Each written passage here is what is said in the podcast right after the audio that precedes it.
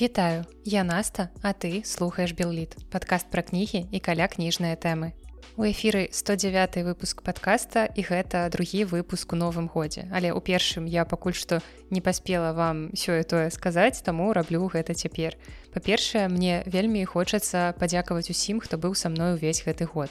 Хто падтрымліваў проста слухаючы, хто падтрымліваў яшчэ і словам, пішучы нейкія каментарыі або пішучы мне нейкія асабістыя паведамленні і таксама ўсім, хто падтрымліваў данатам на патрыоне. І тут я асобна хачу адзначыць гэта апошняе, таму што гэта для мяне асабліва важна цяпер, паколькі як вы маглі зразумець папярэдняга выпуска, я пераехала, а пераезд усё ж такі такая штука, якая даволі моцна б'е не толькі цябе неяк унутры ментальна але таксама яшчэ і б'е табе па кішэні Так што ваша падтрымка просто неацэнная і я бязмежна ўдзячная кожнаму хто ўжо стаў патронам ці хто пасля гэтага выпуска вырашыць мяне падтрымаць і стане маім патронам на патрыоне спасылка на патрыон будзе ў опісанні да выпуска. Ну і мне ўжо даволі цяжка адказваць людзям на пытанне а ты надоўга ці ты назаўсёды зразумела чаму людзі гэта запытваюць але мне хацелася б мець такую ж упэўненасць у жыцці як людзі якія спакойна могуць адказваць на пытанні такога кшталту. але мабыць гэта тыя ж самыя людзі якія восенню ўжо купляюць квіткі ў адпачынак на наступнае лета. Я спадзяюся што аднойчы я таксама стану гэтым стабільным упэўненым у сабе гуру планавання планавання свайго жыцця.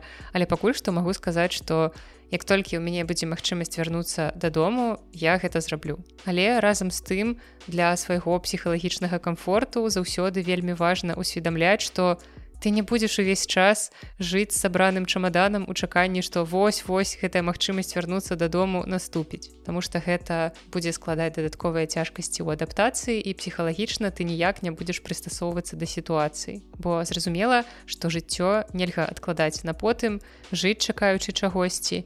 І зараз у мяне ёсць месцы дзе я магу праяўляць сябе дзе я магу прыносіць карысць і што самае важнае быць у бяспецы а для нашага сённяшняга нестабільнага свету і часу гэта ўжо як бы не так і дрэнна. Ну і вам магчыма цікава што вас чакае ў новым годзе ў падкасці белліт і вось гэтую наступную частку я записываю больш для сябе каб потым у мяне не было адмазак гэтага ўсяго што я вам тут наабяцала не зрабіць. Па-першае вас усё так жа чакаюць мае гісторыі пра кнігі бо мы для гэтага ўласна тут усе і сабраліся. Я чытаю кнігі я рассказываю вам пра апошнія прачыты прачытанае вы папаўняеце свой бясконцы спіс хачу прачытаць. Ну і таксама мне б вельмі хацелася напоўніць гэты падкаст галасамі сучаснай беларускай літаратуры гэта і размовы з аўтарамі перакладчыкамі рэдактарамі карэктарамі ды нават дызайнерамі верстальшчыкамі карацей усімі людзьмі якія тут і цяпер ствараюць наш бягучы літаратурны працэс І гэтая частка падкаста для мяне будзе найбольш складанай, паколькі я не самы камунікабельны ў свеце чалавек. То бок камунікаваць я ўмею, але не тое, каб я часта і шмат гэта раблю і люблю. Але насамрэч мне хацелася б, каб у гэтым падкасці для вас было пабольш галасоў, акрамя насты і сярожы, якіх мы ўсё роўна зразумела любім. Ну і як вы зразумелі з папярэдняга выпуска кніжных клуб анягош таксама працягвае сваё існаванне і гатовы штомесяц вас радаваць чарговай порцыяй найдасціпнейшага гумару і найкампетэнтнейшых разваг на літаратурныя тэмы. Больш дасціпных і больш кампетэнтных людзей вы не сустрэнеце проста нідзе. Гэта без перабольшання укажу я рэальна лічу нас самымі самымі класнымі. Таму новая сходка КК анягош ужо ў канцы гэтага месяца і гэтым разам мы абмяркуем класічную беларускую літаратуру літаратуру. Гэта роман кузьмы чорнага пошукі будучыні. У вас яшчэ ёсць час каб прачытаць гэты твор каб падрыхтавацца да нашага абмеркавання віртуальна да яго далучыцца. Твор зусім невялічкі паводле аб'ёму. Ну і таксама вы заўсёды можете напісаць у каментарыях ці ў Google форме якую знойдзеце ў апісанні да выпуска абмеркавання якіх твораў вы б хацелі ад нас пачуць. Мы постараемся прыслухацца да ўсіх ваших запытаў. Ну і таксама што месяц вас чакаюць тыя самыя загадкавыя літвінавы або рубрика літ навіны якую я ўвяла летась і якую я сама вельмі моцна ўжо полюбіла у гэтай рубрыцы я згадваю памятныя даты з гісторыі беларускай замежнай літаратуры таксама адзначаю пісьменнікаў юбіляраў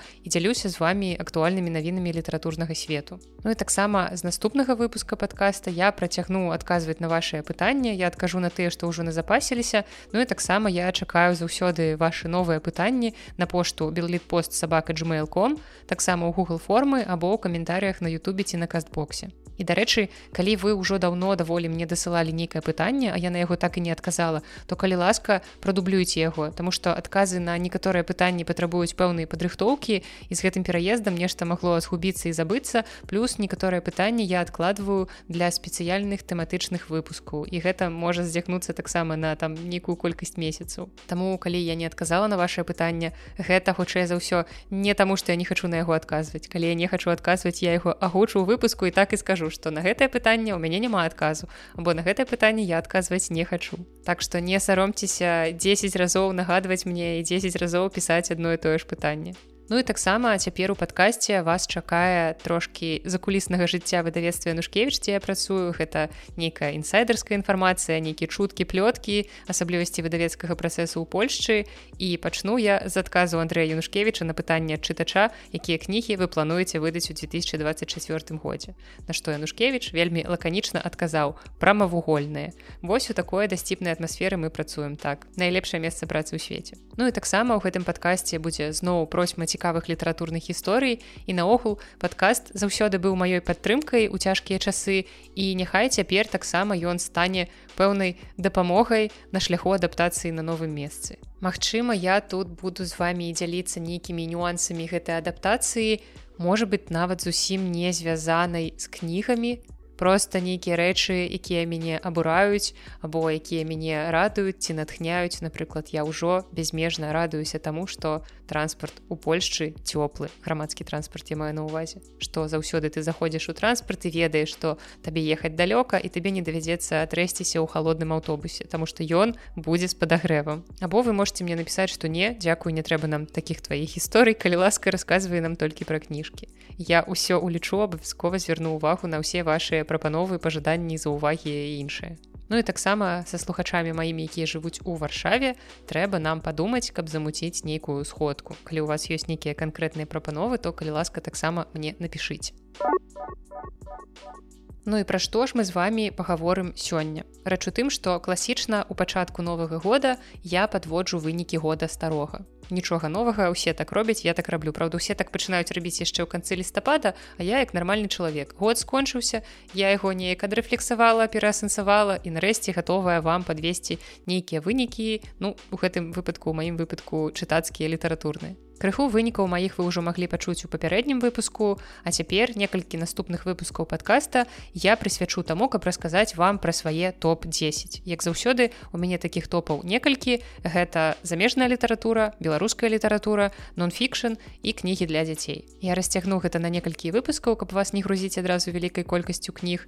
І пра некаторыя кнігі якія ў выніку увайшлі ў мае топы прачытанага за мінулы год я ўжо рассказывала даволі падрабязна на працягу мінулага года. Таму просто буду адсылаць вас у адпаведны выпуск подкаста і гаварыць пра кнігу літаральна парай фраз. Ну і таксама каб трошки было больше разнастайнасці у кожным выпуску будзе адразу па некалькі кніг з кожнага топа. То бок я не буду увесь выпуск вам расказваць пра найлепшы нон-фікшн я раскажу вам пра некалькі найлепшых нон-фікшн кніг некалькі дзіцячых некалькі беларускіх і адпаведна некалькі замежных мастацкіх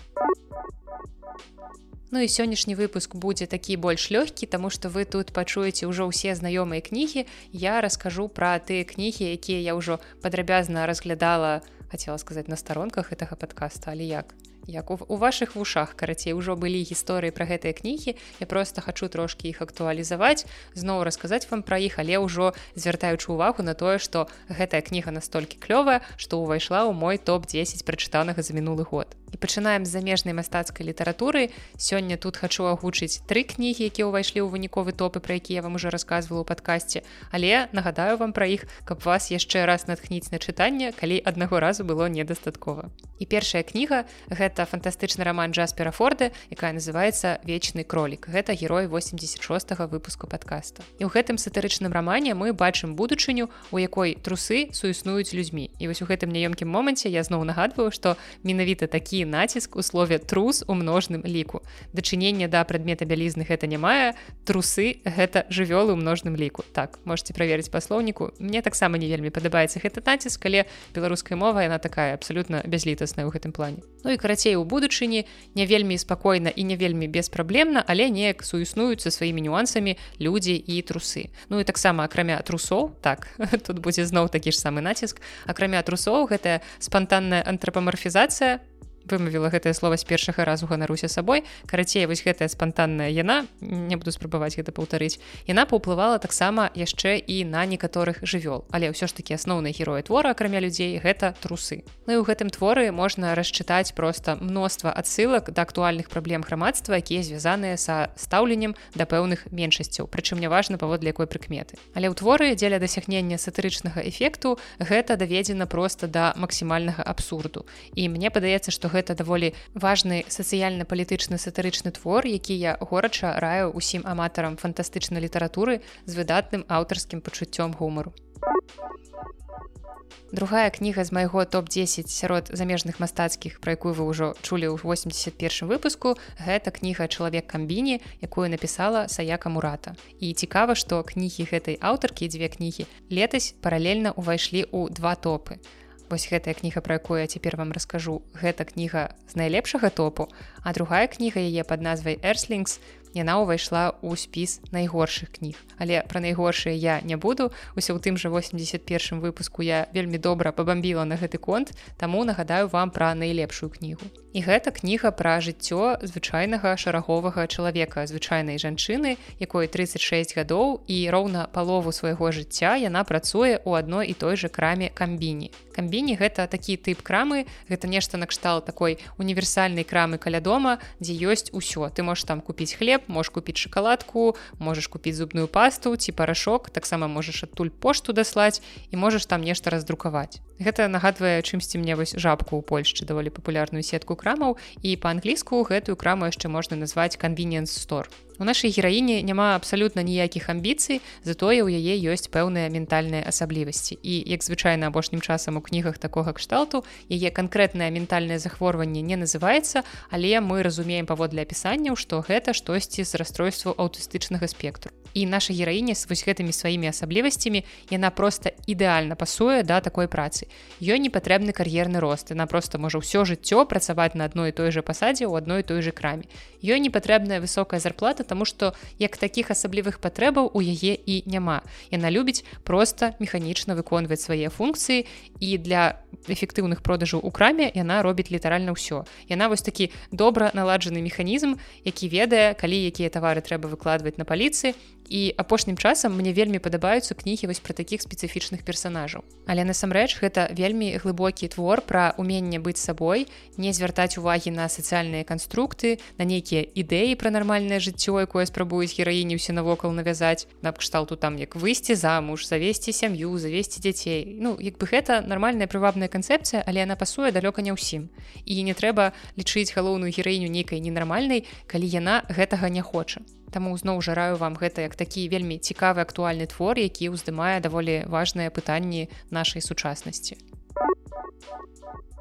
І трэцяя кніга з мастацкага топ-10, пра якую вы ўжо чулі, гэта зборнік аповесцяў венгерскага пісьменніка Іштвана Эркіня, які выйшаў па-беларуску пад назвай сям'я тотаў выстаўка ружаў. І ўвогуле творчасць гэтага венгерскага класіка для мяне стала адкрыццём мінулага года, бо траціну года я правяла ў гэтай краіне і заканамерна, што мне захацелася бліжэй пазнаёміцца з яе літаратурай. І вось гэтаму майму даследаванню венгерскай літаратуры прысвечаны цэлы 98 выпуск падкаста. Там я сяджу на беразе Дуная, можна пачуць на запісе хвалі дуная шумы горада. І вось там я рассказываю пра тых венгерскіх аўтараў і пра тыя іх творы якія я паспела прачытаць за мінулы год. Атрымалася ў прынцыпе даволі шмат і вось іштван эркень быў акурат адным з двух венграў перакладзеных на беларускую мову з тых твораў якія я чытала. Другі гэта імрэ кертас венгерскі нобелеўскі лаўрэат. Ягоны роман страчаны лёс калісьці выходзіў па-беларуску ў выдавецтве галіяфы але пры ўсіх сваіх вартасцях ён у мой топ не трапіў. А вось эркень мяне скарыў скарыў проста маё сэрцайкае сваёй сатырай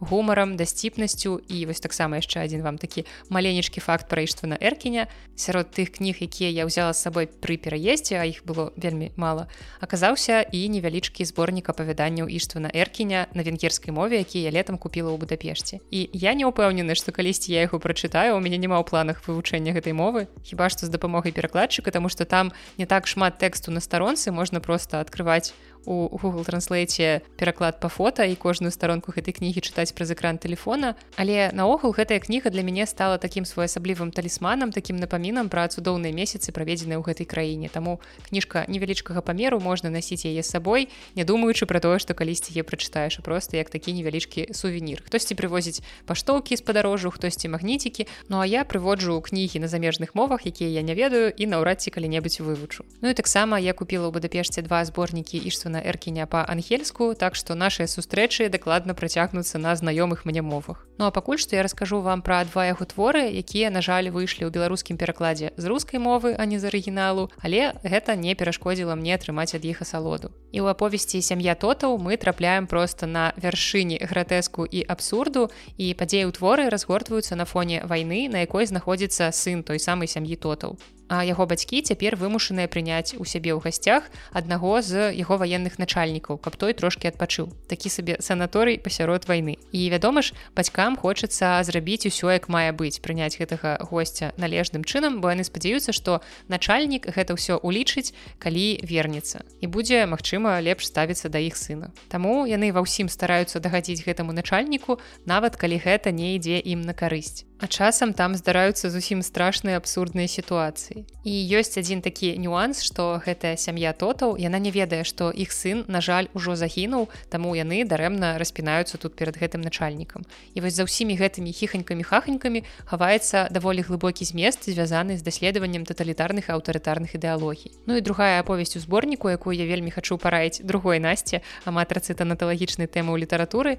Ён называецца выстаўка ружаў і герой гэтага твора рэжысёр які хоча зняць дакументальнае кіно пра смерць. Ён выбірае некалькіх персонажаў якія пагаджаюцца стаць героямі фільма. Гэта людзі якія маюць нейкія хваробы. І ён хоча зняць іх апошнія дні. Але нюанс захвастка ў тым што ніхто з дакладнасцю не можа сказаць калі дакладна памрэ. Нават людзі з хваробамі. І гэта крыху ускладняе здымкі фільма тому что так можна просто бясконца іх кожны дзень здымаць а чалавек все не памірае не памірае. І трое герояў гэтага рэжысёра маюць невылечныя хваробы. Яны ў прынцыпе ведаюць ведаюць што яны мусяць у хуткім часе памерці. І яны пагаджаюцца гэта зрабіць на камеру бо як бы што ім ужо губляць. А так яны прынясуць нейкую карысць магчыма мастацтву. І ў любым выпадку ты ўсё роўна ніяк не адгадаеш калі вось гэты кульмінацыйны момант момант смерці мусіць наступіць. І гэта вельмі пранізлівы экзістэнцыйны твор пра спалучэнне мастацтва жыцця і смерці карацей іштвана эркіня я дакладна буду чытаць яшчэ ў гэтым годзе таму мяркую што вы з ім яшчэ ўбачыцеся і калі не ў выніках гэтага года то прынамсі у звычайных выпусках з апошнім прачытаным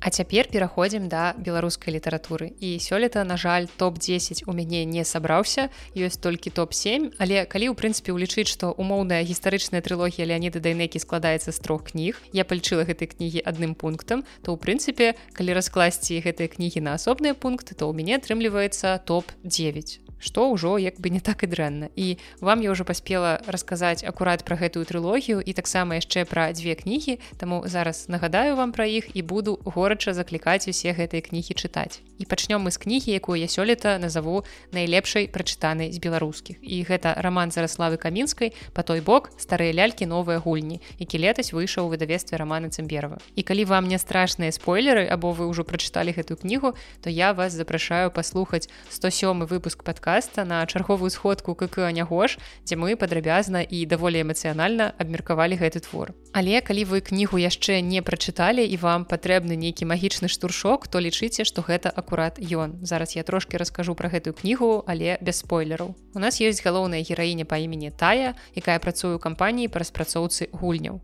І гэта ўжо ў прынцыпе даволі сучасны актуальны пачатак як на беларускую літаратуру. І працуе тая разам са сваёй найлепшай сяброкай якую завуць міра і міра раптоўна знікае. І тая разам са сваім былым хлопцам які нечакана вяртаецца ў яе жыццё пачынае шукаць сваю сяброўку і вы можете спытаць чаму яны не звярнуліся ў такой сур'ёзнай справе ў міліцыю і не гэта не таму што яны ў беларусі і не вельмі ёй давяраюць рэч у тым што ім не хочацца розгаласу. Дакладней гэтага розгаласу не хочацца начальніку таі і міры бо аказваецца што міра была тварам адной з іх камп'ютарных гульняў якую яны актыўна прасоўвалі і таму білборды з тварам міры вісяць па ўсім горадзе і зварот да міліцыі выклікаў бы пэўную шуміху якая ім не патрэбная. Таму яны спачатку спрабуюць гэта неяк высветліць самі да таго ж міра пакідае сваю сяброўцы лісты. І не вельмі падобна што яе проста хтосьці скраў Таму тая пачынае пошукі сяброўкі ўсё глыбей пагружаючыся ў загадкавыя абставіны яе знікнення якія звязаныя з беларускай традыцыйнай культурай у прыватнасці з лялькамі Але гэта не адзіны сюжэтны пласт твора, гэта толькі палова, якая адбываецца нібыта ў нашай рэальнасці, нібыта ў наш час. Але часам гэтая частка перарываецца часткай падзей, якой акурат адбываюцца па той бок, як у назве твора. І там мы бачым некалісь там не 19 стагоддзя, некую беларускую вёсачку, жыхары якой жывуць поўныя розных прымхаў, забабонаў, ведаючы замовы ад любой хваробы і змагаючыся з рознымі міфічнымі істотамі. І ў гэтай частцы дзейнічае галоўная гераіня па імені Мара што вельмі нагадвае нам імя міра. І мы спрабуем зразумець што гэта за па той бочны свет гэта наогул фантазія рэальнасць хто гэтая дзяўчына што яна там робіць як ёй адтуль выбрацца. Ну а ўжо як звяжуцца паміж сабой дзве гэтыя часткі вы даведаецеся або самастойна прачытаўшы твор або паслухаўшы выпуск са сходкай кніжнага клуба анягош але ўсё ж таки я вельмі вам раю спачатку гэтую кнігу пачытаць бо гэта сапраўды тая кніга якая прынясе вам шмат эмоцый. Гэта даволі дынамічны твор у якім вельмі вельмі арганічна з'яднаныя сучасныя тэхналогіі традыцыйная культура містыка міфалогія народныя павер'і і камп'ютарныя тэхналогіі. Ну і памятаеце былі калісьці тыя часы калі Беларусь была айти краінай Таму гэтая кніга як такі светлы напамін пра гэта другі твор з беларускага топа пра які вы таксама ўжо чулі а патроны чулі нават двойчы гэта аўтабіяграфічная кніга альгерда бахарэвича хлопчык і снег якая летась выйшла ў выдавестве янушкевич і для ўсіх слухачоў я рассказывала про гэты твор у 97 выпуску подкаста ну а патроны на патрыоне маглі паслухаць дадатковы выпуск з маім чытацкім дзённікам.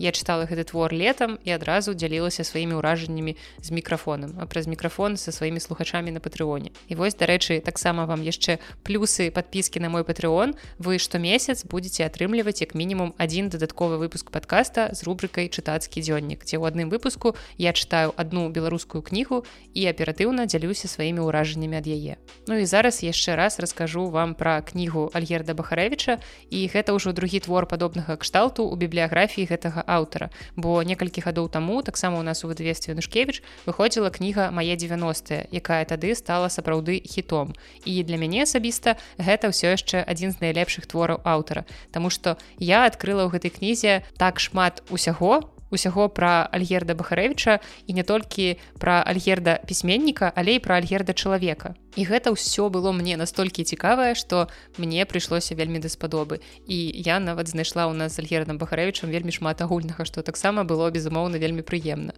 Ну а кніга хлопчык і снег яна канцэптуальна па сутнасці паўтарае мае 90 і можна было назваць яе мае 80 але вельмі класна што альгерд падабраў больш мастацкую назву да гэтай кнігі. І калі першая кніга была пра ўжо сталага мужчыну які становіцца на свой пісьменніцкі шлях то з гэтай кнігі мы прасочваем шлях бахарэвича ад самага нараджэння олега ивановича бахарэвича вось менавіта такое імя ён меў ад нараджэння і з гэтай кнігі вы даведаецеся з чаго зроблены бахарэвич на якіх кнігах ён рос на якой музыцы як ён праходзіў працэс сталення пераходны ўзрост і ўсё з гэтым звязанае і другая кніга можа падацца больш спакойнай чым першая і прынамсі для мяне было так што вось гэта акурат звязаная з тым што пра хлопчыка Мачыма не так захаплялі чытаць як пра дарослага чалавека але ўсё роўна па-ранейшаму я захапляюся аўтарскай шчырасцю ва ўсім тым што ён напісаў і вось з падобных шчырых аўтабіяграфічных кніг я магу згадаць цыкл моя барацьба не не таго каго вы падумалі а нарвежскага пісьменніка Карла увек наусгарда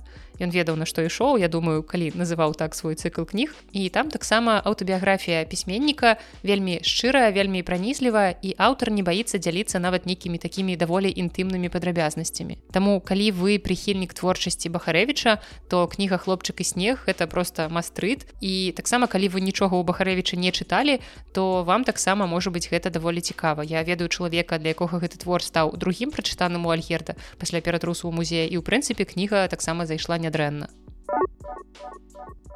і апошняе на сёння што я згадаю стопа беларускіх кніг гэта тая самая умоўная трылогія леаніда дайнекі. Гэта гістарычны цыкл які складаецца з кніг меч князя вячкі следваў калака і жалезныя жалуды і пра гэтыя творы я записывала асобны 104 выпуск подкаста з цыкла сёлета таму вас скіроўваю туды.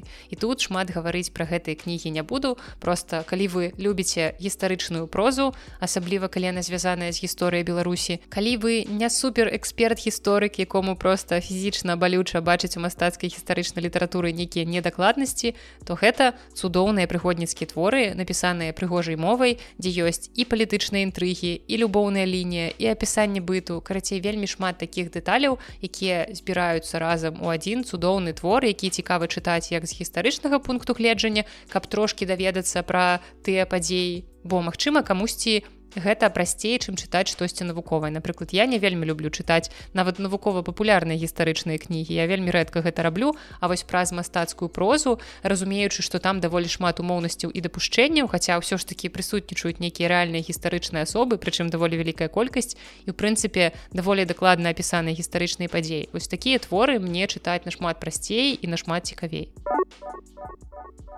Ну і цяпер пераходзім да дзіцячай літаратуры і тут таксама стоп-10 года вы ўжо чулі пра пэўную колькасць кніг ажно пра чатыры таму сёння кораценька прабягуся па іх і першая кніга яе напісала анет хёйсинг яна называется как я нечаянно напісала кнігу і гэта твор хутчэй падлеткавы паколькі ў ім закранаюцца даволі няпростыя тэмы таму магчыма я правіла яе чытаць ну недзе гадоў з 12 і 81 выпуску я рассказывала пра яе больш падрабязна а ў папярэднім выпуску з вынікамі года я рассказывала што гераіня гэтай кнігі для мяне стала персонажам года.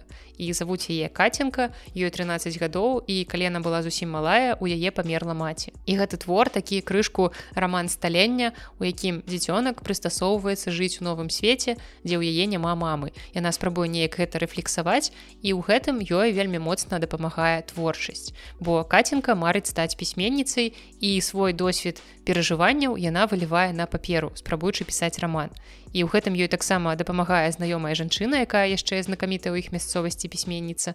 Таму гэта не толькі цікавы падлеткавы роман пра досвед перажывання страты гэта яшчэ і своеасаблівы падручнік па пісьменніцтве. Прычым чытаць гэтую кнігу як мне падаецца ну прынамсі мне было цікава. Дык вось будзе цікава чытаць не толькі дзецям але таксама і дарослым. І ці варта наогул гэта чытаць тым падлеткам якія не мелі досведу страты на гэта я магу адказаць тым што у хутчэй за ўсё так паколькі кніга ўсё ж таки на гэтым не зацыкленая. Я б гэтую кнігу параіла акурат подлеткам якія цікавяцца пісьменніцтвам якія ўжо робяць першыя крокі ў гэтым кірунку і шукаюць падтрымки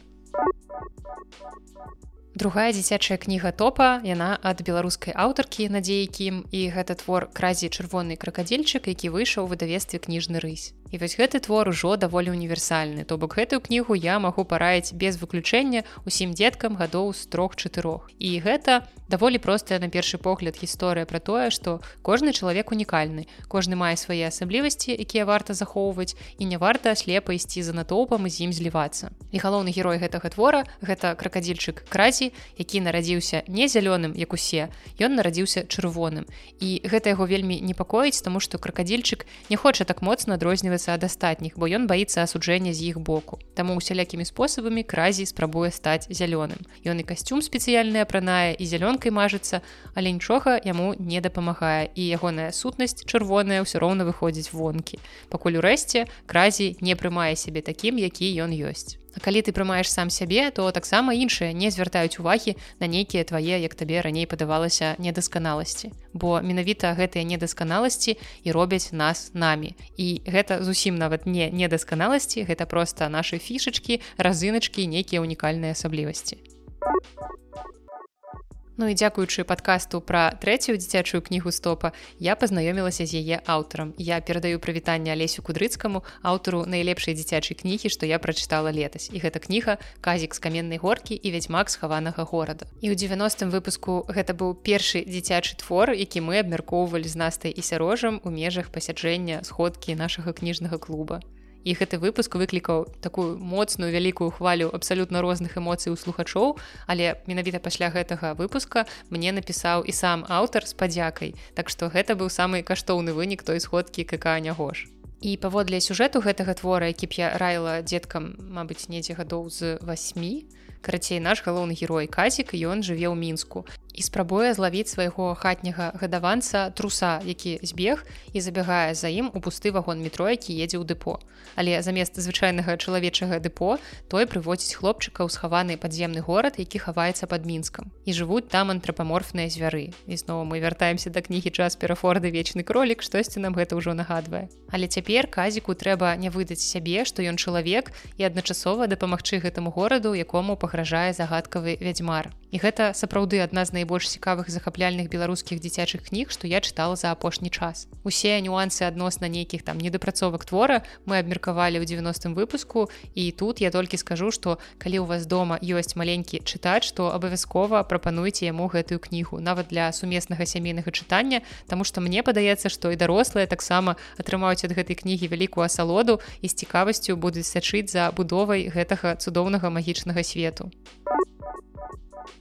І чацвёртая кніга, якую я згадвала не так даўно ў 106 выпуску подкаста, гэта добры спосаб пагаварыць з дзецьмі пра актуальныя тэмы. Бо ў рамане Сары Пенепакер Пакс Джорні Хоум галоўныя героі пацярпелі ад вайны.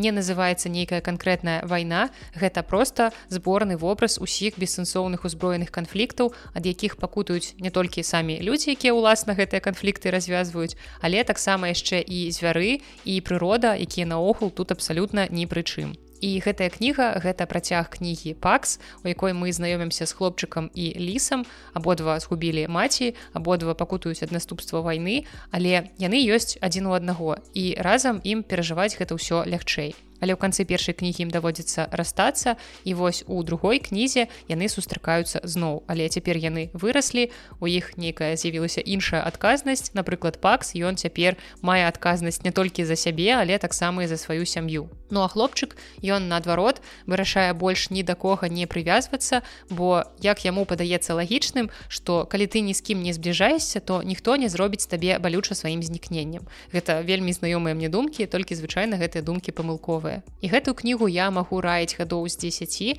яна ўсё ж таки закранае даволі цяжкія тэмы Хаця я не магу сказаць што яна нейкая там надта асабліва складаная. Гэта просто такая добрая нагода пагаварыць пра актуальная пра адказнасць чалавека перад прыродай пра разбуральны характар любой вайны і таксама пра сяброўства і стасункі паміж людзьмі таксама паміж чалавекам і прыродай Ну а цяпер нарэшце звернемся да жанру нон-фікшн. Тут таксама стопа я ўжо расказала вам пра дзве кнігі і пачнём мы з псіхалагічнага нон-фікшана, які напісаў Джозеф Бурга і гэта кніга пра абарончыя механізмы чалавека. Яна называется почему я делаю это і больш падрабязна я рассказывала пра яе ў 85 выпуску. І гэтая кніга пра тое, што ёсць літаральна ў кожным з нас. Бо ўсе мы ў той ці іншай ступені маем нейкія ахоўныя механізмы, якія нам у пэўнай ступені дапамагаюць жыць але часам яны могуць служыць перашкодай. І хтосьці мае гэтыя механізмы не ўсведамляючы наогул што іх мае і таму ён не разумее у чым праблема калі штосьці ў ягоным жыцці ідзе не так. І вось магчыма гэтая кніга для вас стане такім дапаможнікам дапаможа вам выявіць гэтыя ахоўныя механізмы ў сабе а гэта мне падаецца ўжо палова справы калі вы ведаеце з чым вам трэба змагацца. І тут не абавязкова адразу жорстка старацца абмежаваць сябе ад усіх гэтых механізмаў але прынамсі можна пачаць іх кантраляваць каб паглядзець як гэта паўплывае на ваше жыццё Ну і другая кніга са 102 выпуска гэта the офіс аповесць у культовым серыялю Эндзі Грына і ведаю ведаю ведаю. Я ўжо ўсім навокал надакучыла з гэтым сваім офісам але мне падаецца такая гэта моя місія на гэтай зямлі несці слова пра гэты культавы серыял у масы. І такую ж адказную місію ўзяў на сябе і Эндзі Грын пісьменнік журналіст і вялікі фанат гэтага серыяла. І ў гэтай кнізе ён сабраў размовы з процьмай людзей якія мелі дачыненне да выхаду офіса. Гэта і гісторыя стварэння дыалогі з людзьмі гэта бэкстейдж нейкія таямніцы здымак усё ўсё што вы хацелі хацелі ведаць але як той казаў баяліся спытаць. І калі раптам вы вырашыце пачаць глядзець або пераглядаць офіс то вы можете якраз рабіць гэта паралельна з чытаннем кнігі тому что яна акурат разбітая на главы ў адпаведнасці з сезонамі і там завастраецца увага на нейкіх ключавых эпізодах. Плюс у гэтай кнізе вельмі шмат цікавых фото за здымак карацей гэта просто выдатнае дапаўненне для тых каму аднаго серыяла ўжо мала Ну і вось у такім лёгкім фармаце мы з вами уваходзім у гэты год я успомніла тое пра што ўжо рассказывала каб нагадаць вам пра цудоўныя кнігі а ўжо з наступнага выпуска мой топ 2023 года працягваецца кнігамі пра якія вы ад мяне яшчэ не чулі. Ну а ў канцы сённяшняга выпуска вас чакаюць яшчэ дзве знаёмыя любімыя рубрыкі. Гэта экспрэс рэкамендацыі і таксама цікавыя літаратурныя гісторыі разважанні пачынаем з экспрэс-рэкамендацый. Гэта рубрыка у якой я дзялюся цікавымі фільмамі серыяламі ці падкастамі якія звязаныя а часам не вельмі звязаныя з кнігамі і літаратурай. І сёння ў гэтай рубрыцы будзе толькі адзін падкаст які непасрэдна з літаратурай не звязаны але за апошні час ён для мяне стаў вельмі актуальным. І гэта беларускі падкаст які называется там дзе мы ёсць і яго вядуць Александр жданович які вядомы нам усім як легендарны маляваныч і таксама каця якой я перадаю прывітанне тому что ведаю что каця слухае мой падкаст. Маляваны чакаця жывуць у Грузіі і ў гэтым падкасці яны гавораць наогул пра жыццё за мяжой. Таму я і сказала што за апошні месяц ён для мяне стаў даволі актуальным хаця слухаць гэты падкаст я пачала яшчэ на некалькі месяцаў раней. Але цяпер я пераслухала другі выпуск які так і называется адаптацыя бо ў гэтым выпуску вядучыя акурат расказваюць пра тыя этапы адаптацыі якія згодна з псіхолагамі перажываюць людзі якія пераязджаюць у іншую краіну. І калі вы таксама нядаўна пераехалі або вы пераехалі ўжо даўно але ўсё яшчэ шукаеце нейкай падтрымкі то раю вам паслухаць там дзе мы ёсць. Але таксама у падкасці ёсць і кнігі і я ведаю што каця чытае шмат а маляваныч наогул яшчэ і піша сам. І тут вось дарэчы будзе ўставіць літаратурную навіну якая потым яшчэ з'явіцца ў літнавінах бо у лютым у выдавестве славянка якое выдае беларускія кнігі ў Польшчы мусіць выйсці дэбютная дзіцячая кніга маляваныча под назвай кропля ў космосе гэта кніга якая раскажа нам пра што марыла адна гарэзлівая дажджавая кропля якая ляцела са страшэннай вышыні на зямлю і ўжо цяпер на сайце выдавецтва адкрыты папярэдні заказ па зніжанай цане я пакіну вам спасылку апісанні да выпуска калі вы зацікавіцеся то калі ласка заказваеце гэтую кнігу. Ну і таксама ў адным з выпускаў падкаста маляваныч раю кнігу паліяна, каб спраўляцца з цяжкасцямі ў эміграцыі. І магчыма, мне варта звярнуць на гэтую кнігу увагу, бо калісьці я хадзіла у тэатры, я не памятаю, якім гэта было тэатры у дзяцінстве. Можа быть гэта быў тэатр юнага гледача карацей там быў спектакль паліяна і гэта было вельмі міла. Я асабліва не памятаю сюжэт гэтага твора але мне гэты спектакль спадабаўся таму можа быть варта звярнуць увагу на гэтую класічную дзіцячую кнігу. Ну і ў канцы крыху літаратурных гісторый якія натхняюць. Мы пагаворым з вами трошки пра пісьменніцтва і ўзрост. І вось мне ўжо як бы 30 і ўсё часцей маім творчым дэвізам па жыцці становіцца нічога не дамогся затое ўсё сам. І не тое каб у мяне былі нейкія пісьменніцкія амбіцыі. Зразумела што многія людзі жыццё якіх шчыльна звязаныя з кнігамі часам задумваюцца пра тое каб выдаць нешта сваё. Вось зараз задумайцеся пра сябе калі вы шмат чытаеце Магчыма вы калісьці думалі пра тое што блин а чаму мне не напісаць штосьці? Напрыклад я пишу але далей за нейкія мае папяровыя нататнікі нататкі ў тэлефоне або google docs звычайна гэтая пісаніна не выходзіць і пакуль што мне цікавей працаваць над удасканаленнем чужых тэкстаў. Ну і без нядаўняга часу яшчэ і над перакладам. І дарэчы інфармацыя для ўсіх тых хто чакае і штодзённа піша слёзныя лісты ў выдавецтва стывен кінг будзе вясной. Вось такая вось вам інсайдерская інфармацыя. Як бы гэта адбудзецца не прям там першага сакавіка вясной гэта будзе трошкі далей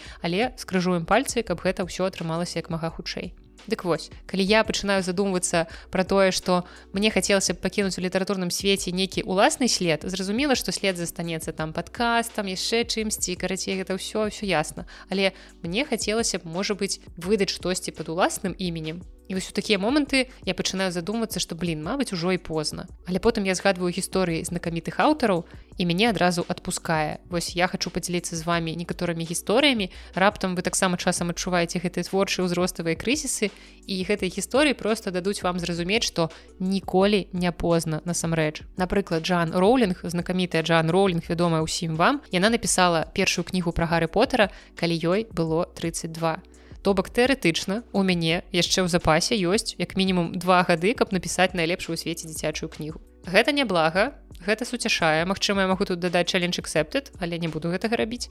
Карацей мне ёсць над чым задумацца. Таксама такая аўтарка як харпер лі якая вядомая ўсім нам па творы убіць пересмешніка гэты свой роман апублікавала ў 34 таксама можна дадаць нейкай такой больш папсовай папулярнай літаратуры такой больш пікантнай бо калі выйшаў роман 50 адценняў шэрага на той момант яго аўтарцы эрыцы Джеймс было 48 гадоў і гэтая кніга адразу стала супер бестселлером выйшла другая кніга третья фільм і гэтак далей карацей 48 гадоў не прысуд Ну і таксама ў 48 гадоў выйшаў першы мастацкі роман умберта эка імя ружы бо дагэтуль ён быў больш вядомы як навуковец он выдаваў свае літаратуразнаўчыя даследаванні па семіётыцы ён вывучаў сярэднявечча і гэтак далей. І вось у 48 гадоў нарэшце выйшла ягоная першая мастацкая кніга а за ёй пайшлі і наступныя.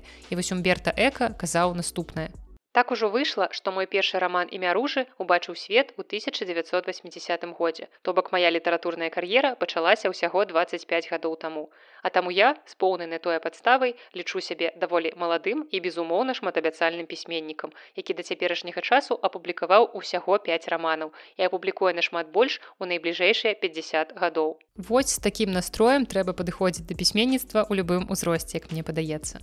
Ну і таксама скончыць гэты аптымістычны хіт-парад аўтару мне хочацца словамі Чарльза Букоўскі. Наогул мне ўжо 34. Калі не даб'юся нічога да сваіх 60, просто адпушчу сабе яшчэ 10 гадоў. Вось з гэтай мантрай я планую далей ісці па жыцці.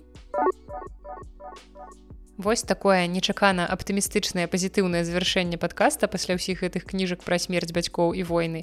Мы паступова уліваемся ў звыклы графік з новым выпускам кожную суботу. Ну і таксама для патронаў я буду старацца загружаць выпускі на некалькі дзён раней. І вось што значыць даўно не записывала падкаст вось так адна сольна. Вы чуеце, што мой голас ужо трошкі трошкі не той хочацца яму папіць вадзічкі. Ну і таксама я чакаю вашыя каментарыі з думкамі, за увагамі ідэямі прапановамі вы можете пісаць мне на кастбоксе на Ютубе у апісанні да выпуска вы знойдзеце маю электронную пошту таксама там жа Google формы куды таксама можна пісаць можете расказаць у каментарях якая сёлета дакладней летась кніга сярод замежных або сярод беларускіх стала для вас найлепшай. Можете расказаць чаму. Можете прапанаваць штосьці для чытання мне або таксама іншым людзям якія зазірнуць у каментарый. Карацей не стрымлівайце сябе. Раскажыце пра ўсё тое цудоўнае што вы летась чыталі. І таксама яшчэ раз дзякую вам усім ўсім за падтрымку.